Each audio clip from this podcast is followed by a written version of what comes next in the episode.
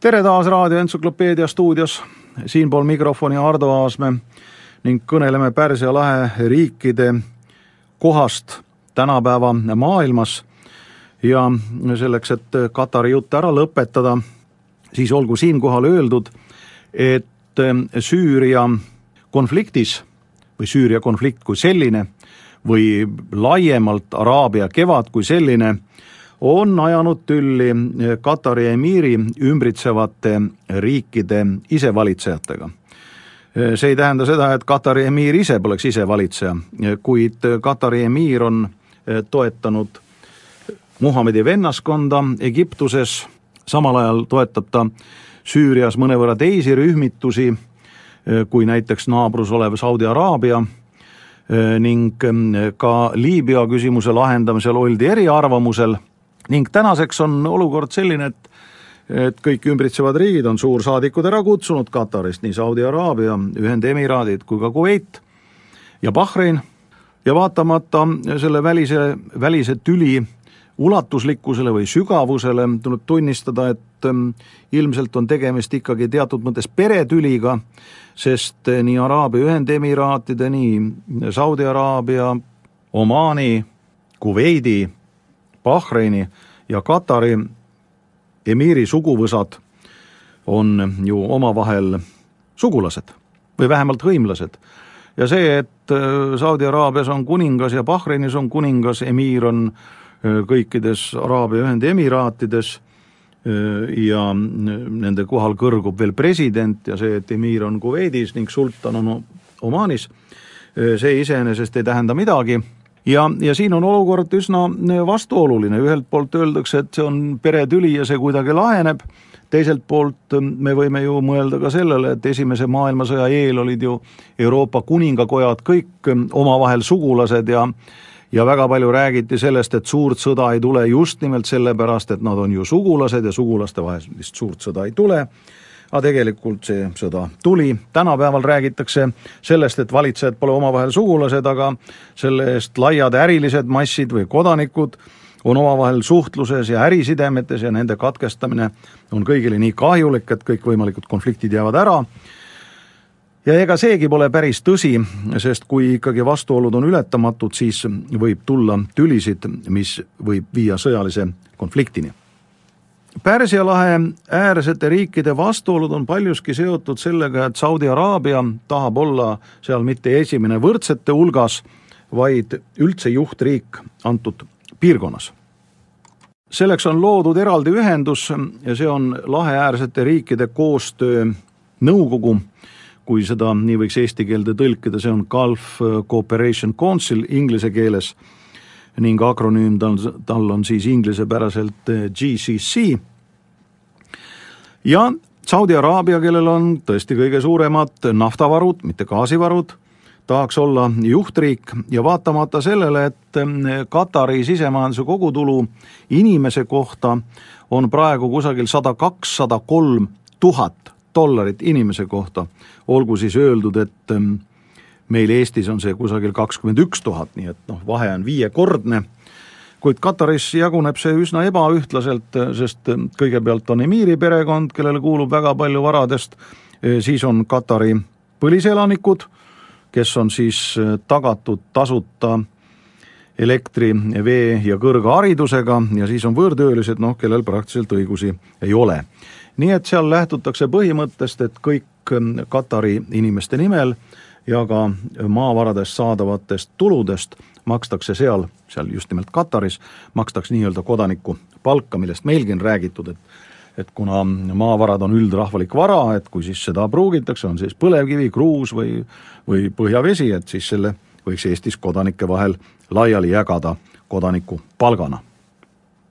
ja kuna Saudi Araabias on suurim naftavaru maailmas ja jällegi on oluline meelde tuletada seda, et naftavarude suurus või väiksus noh, iseenesest ähm, on oluline, kuid ikkagi tema tootmistingimused ja kättesaadavus, siis Saudi Araabias on ka nafta tootmine suhteliselt odav. see on samasugune olukord nagu meil Kirde-Eestis, kus meil on arvestatavad ähm, rauamaagivarud muide väga hea kvaliteediga magnetiit, aga ta paikneb meil Jõhvi piirkonnas sedavõrd sügaval, et tänasel päeval tema tootmine ei ole kasulik ja, ja sellepärast temast ei räägita, räägitakse fosforiidist, mis on, mida on lihtsam kätte saada.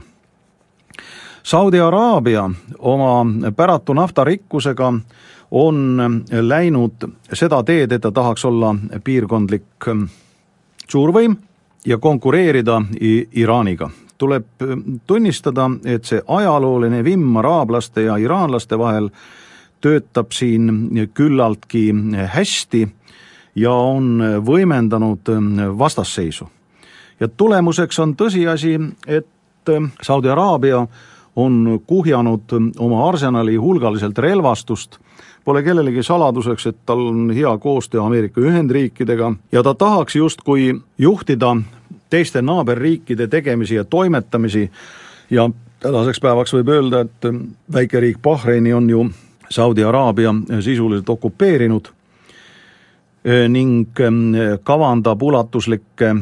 operatsioone ka Jeemenis, seal on ka omad usulised lahkarvamused, kuna jeemenlased on ju šiiidid, nii nagu seda on ka Bahreini valdav osa elanikkonnast, noh, seal on kaheksakümmend viis protsenti on šiidid ja, ja ka iraanlased või pärslased paraku ei tule uskuda poliitikas üsna sageli, mida räägitakse, sest see, mis räägitakse, on tõsi, aga ei pruugi olla kogu tõde. ja, ja see on ju samasugune olukord, nii nagu meil on tekkinud piirileppe ratifitseerimisega, kus tegelikult välisminister Urmas Paet ja ja väliskomisjoni esimees Marko Mihkelson ju sisuliselt ei räägi ju sellest, mis selles piirileppes huvitab Eestit, vaid nad on muutunud tegelikult Kremli heerolditeks või sõnumitoojateks,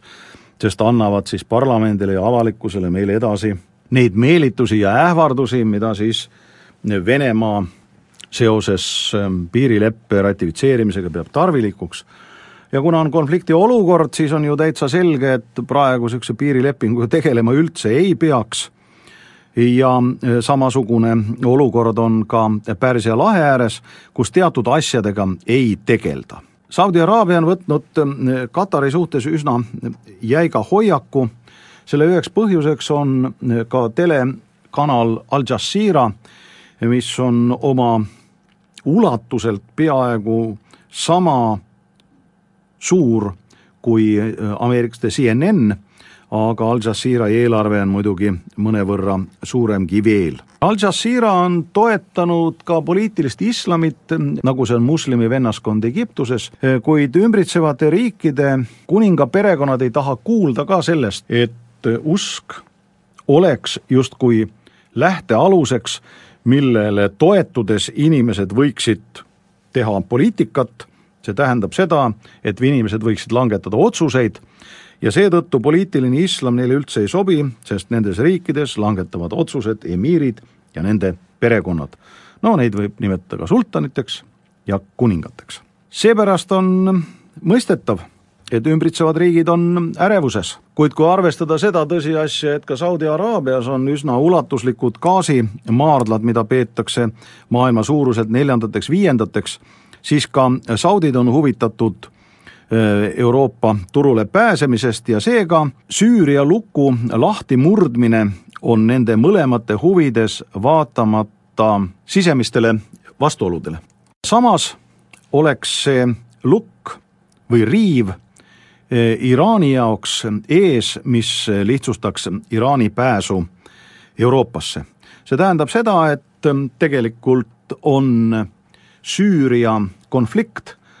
suuresti Iraani ja araablaste omavahelise konkurentsi tallermaa eh, ning on suunatud otseselt eh, Venemaa ja Gazpromi tulude vastu ja, ja lausa selles ulatuses, et see võib eh, Vene riigi tänase majandusmudeli täiesti hävitada